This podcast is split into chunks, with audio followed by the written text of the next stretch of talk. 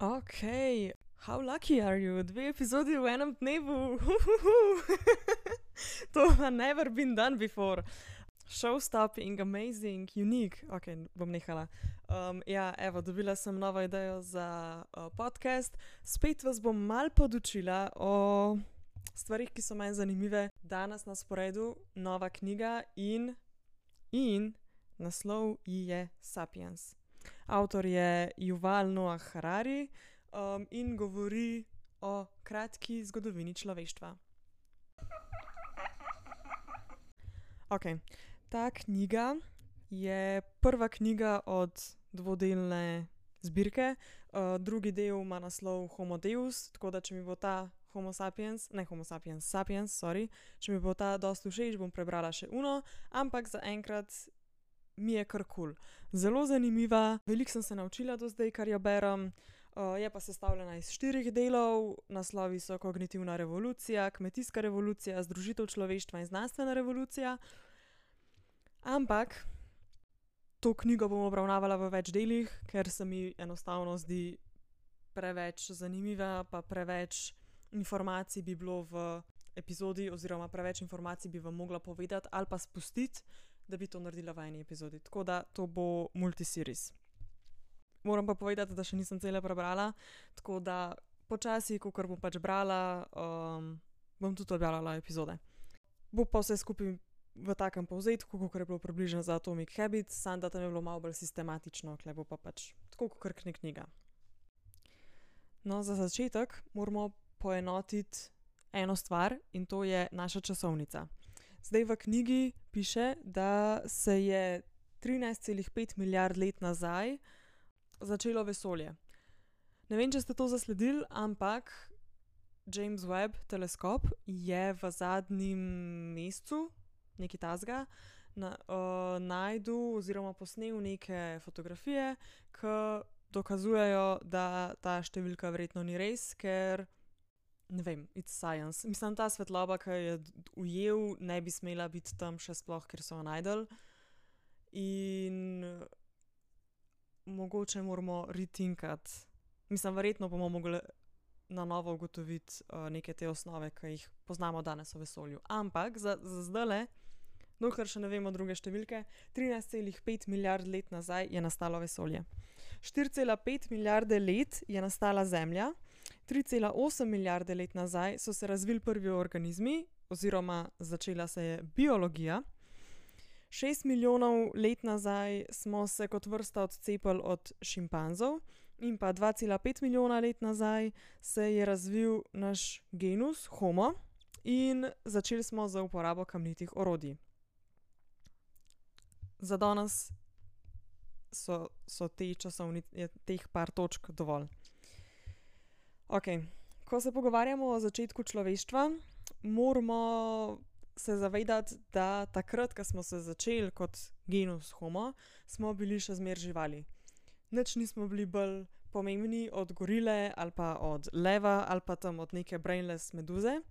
Mm, moramo pa vedeti, da so že obstajale neke take ene oblike družbe, neke skupnosti, verjetno so kazale neke podobne vzorce druženja ali pa sodelovanja, ki jih vidimo danes, pa obstajale so že neke družbene vloge, kot jih poznamo danes. Ampak tudi onas, take iste vzorce vidimo tudi pri šimpanzih in gorilah. Tako da takrat človeštvo še ni bilo to, kar mi smatramo kot človeštvo, ampak je pa že obstajalo.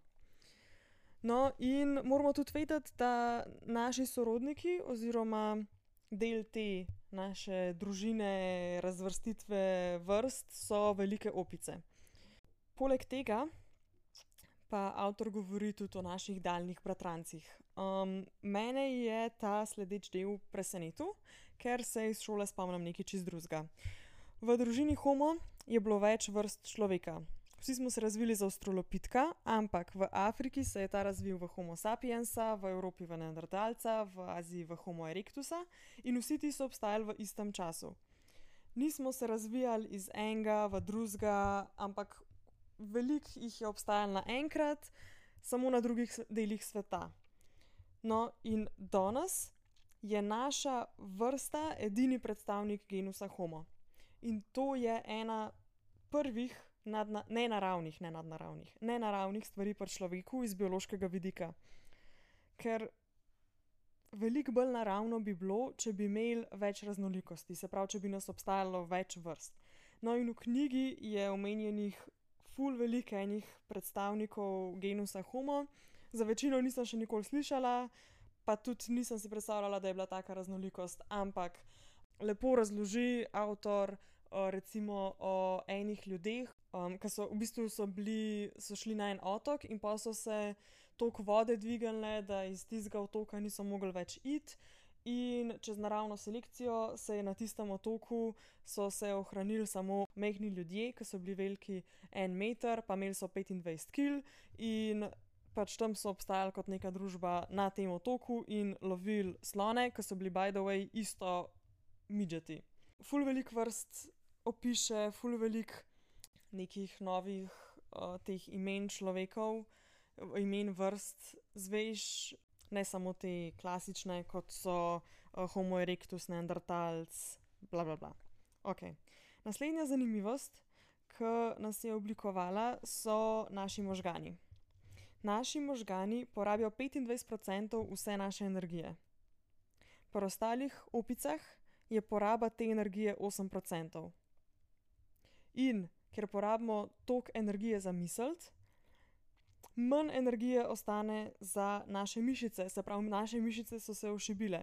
In v bistvu mi sploh ne vemo, zakaj je do tega prišlo.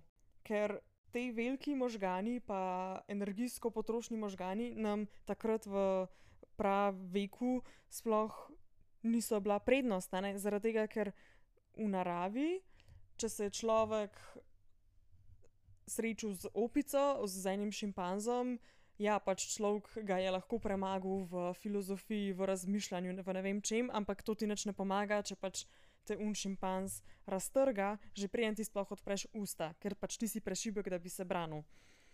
Druga naravna posebnost naša je to, da hodimo po dveh nogah. To, ja, je boljše, ker imamo frej roke pa ker smo nekako višji, a ne, lahko bolj opazujemo. Ampak naše okostje se ni razvilo zato, da bi mi hodili po dveh nogah. Mislim, tudi naša glava s temi našimi velikimi možgani je bila tudi toliko prevelika in je bilo neoptimalno, da hodimo pokončno in jo moramo balansirati, na naših, na vratu, na ramah. In hkrati še zato, da smo lahko hodili, so se nam je zaprla medenica. In pa valjda, okej, sklepi so itak najebali, a ne, zaradi tega, ker niso bili navajeni tako težo nositi. No, ampak v sklopu te medenice pa naše velike glave smo pa v bistvu največjem minusu ženske. Ker mi moramo rojevati toliko nedonošene otroke, ki so pri kriterijih ostalega živalskega kraljestva še čisto, mislim, nedonošenčki, ker drugače jih s to veliko glavo in našim ozkim, kanalom ne bi mogle normalno roditi. Je pa to, da so se rojevali otroci toliko nedonošeni in da je bilo zanje treba zelo intenzivno skrbeti štiriindvajset ur na dan, tudi, imelo velik vpliv na razvoj družbe. Ker to nas je prisililo, da smo začeli oblikovati skupnosti pa tvoriti tvoriti neke povezave med sabo in pač mogli smo sodelovati, da smo preživeli in da smo imeli potomce. Tukaj tudi reče, da velik del tega je bilo, da v bistvu mi smo živeli v skupnosti, mi smo bili živali, se pravi, je vprašljivo, a smo bili monogamni ali ne.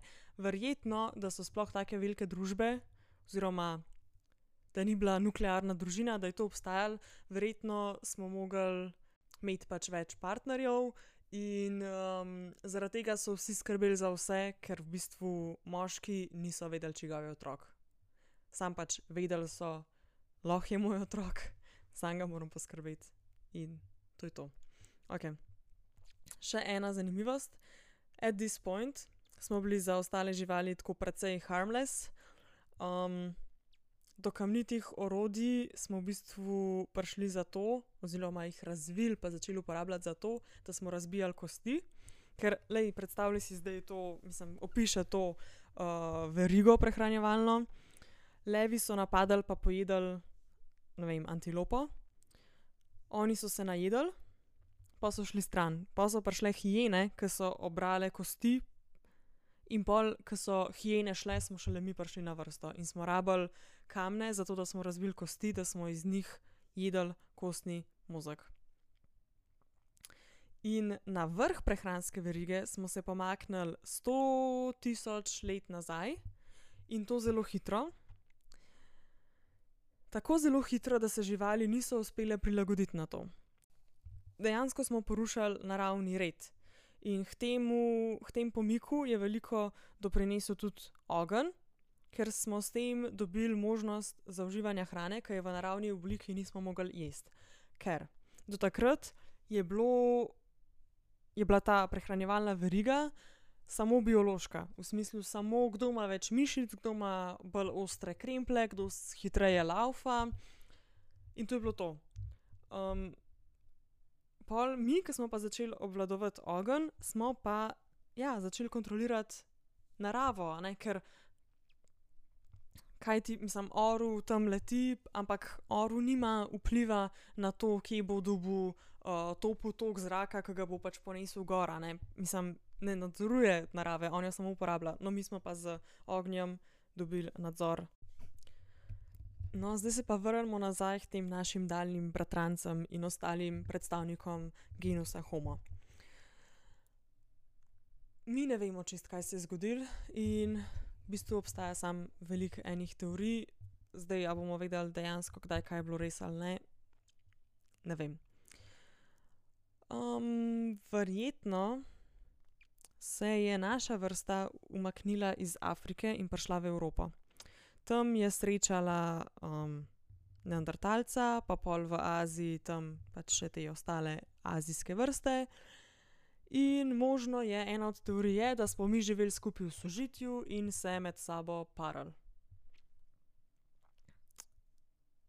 Zdaj, zato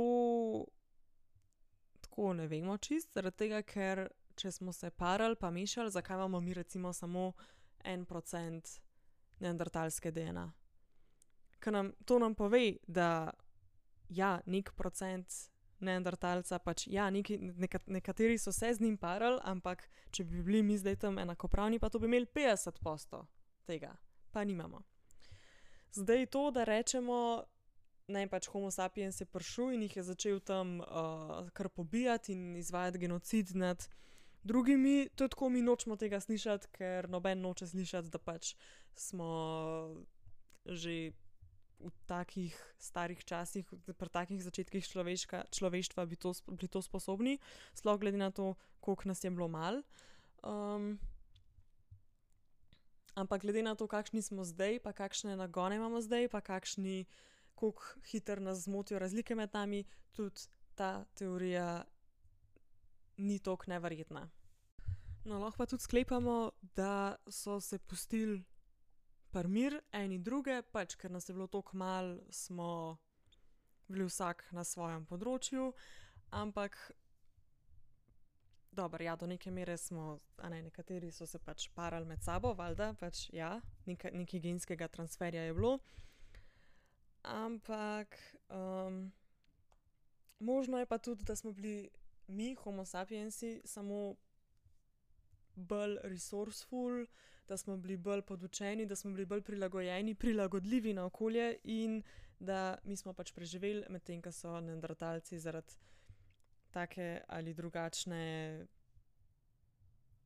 take ali drugačne situacije pač izumrli, ker se pač niso mogli prilagoditi. No, in v naslednjih poglavjih se v bistvu govori najprej o tem, začne se govoriti o veri, zakaj smo bili mi toliko prilagodljivi, in res je amazing, ker za vsem, kar smo mi dosegli, pač obstaja neki razlog. Zdaj je to tako zelo general observation. Res je, no, ne vem, nekako tako na tak enostaven način neke, dogodke objasni ali pa pove, zakaj recimo neka taka majhna stvar, ke nas dela ljudi, je imela ogromen efekt na to, zakaj smo preživeli priporočam vsem, da preberete. Jaz bom še delala naprej te obnove, pa uh, zapiske. In se slišmo naslednjič z novo dozo Sapiensa. Fajn se majte. Čau, či!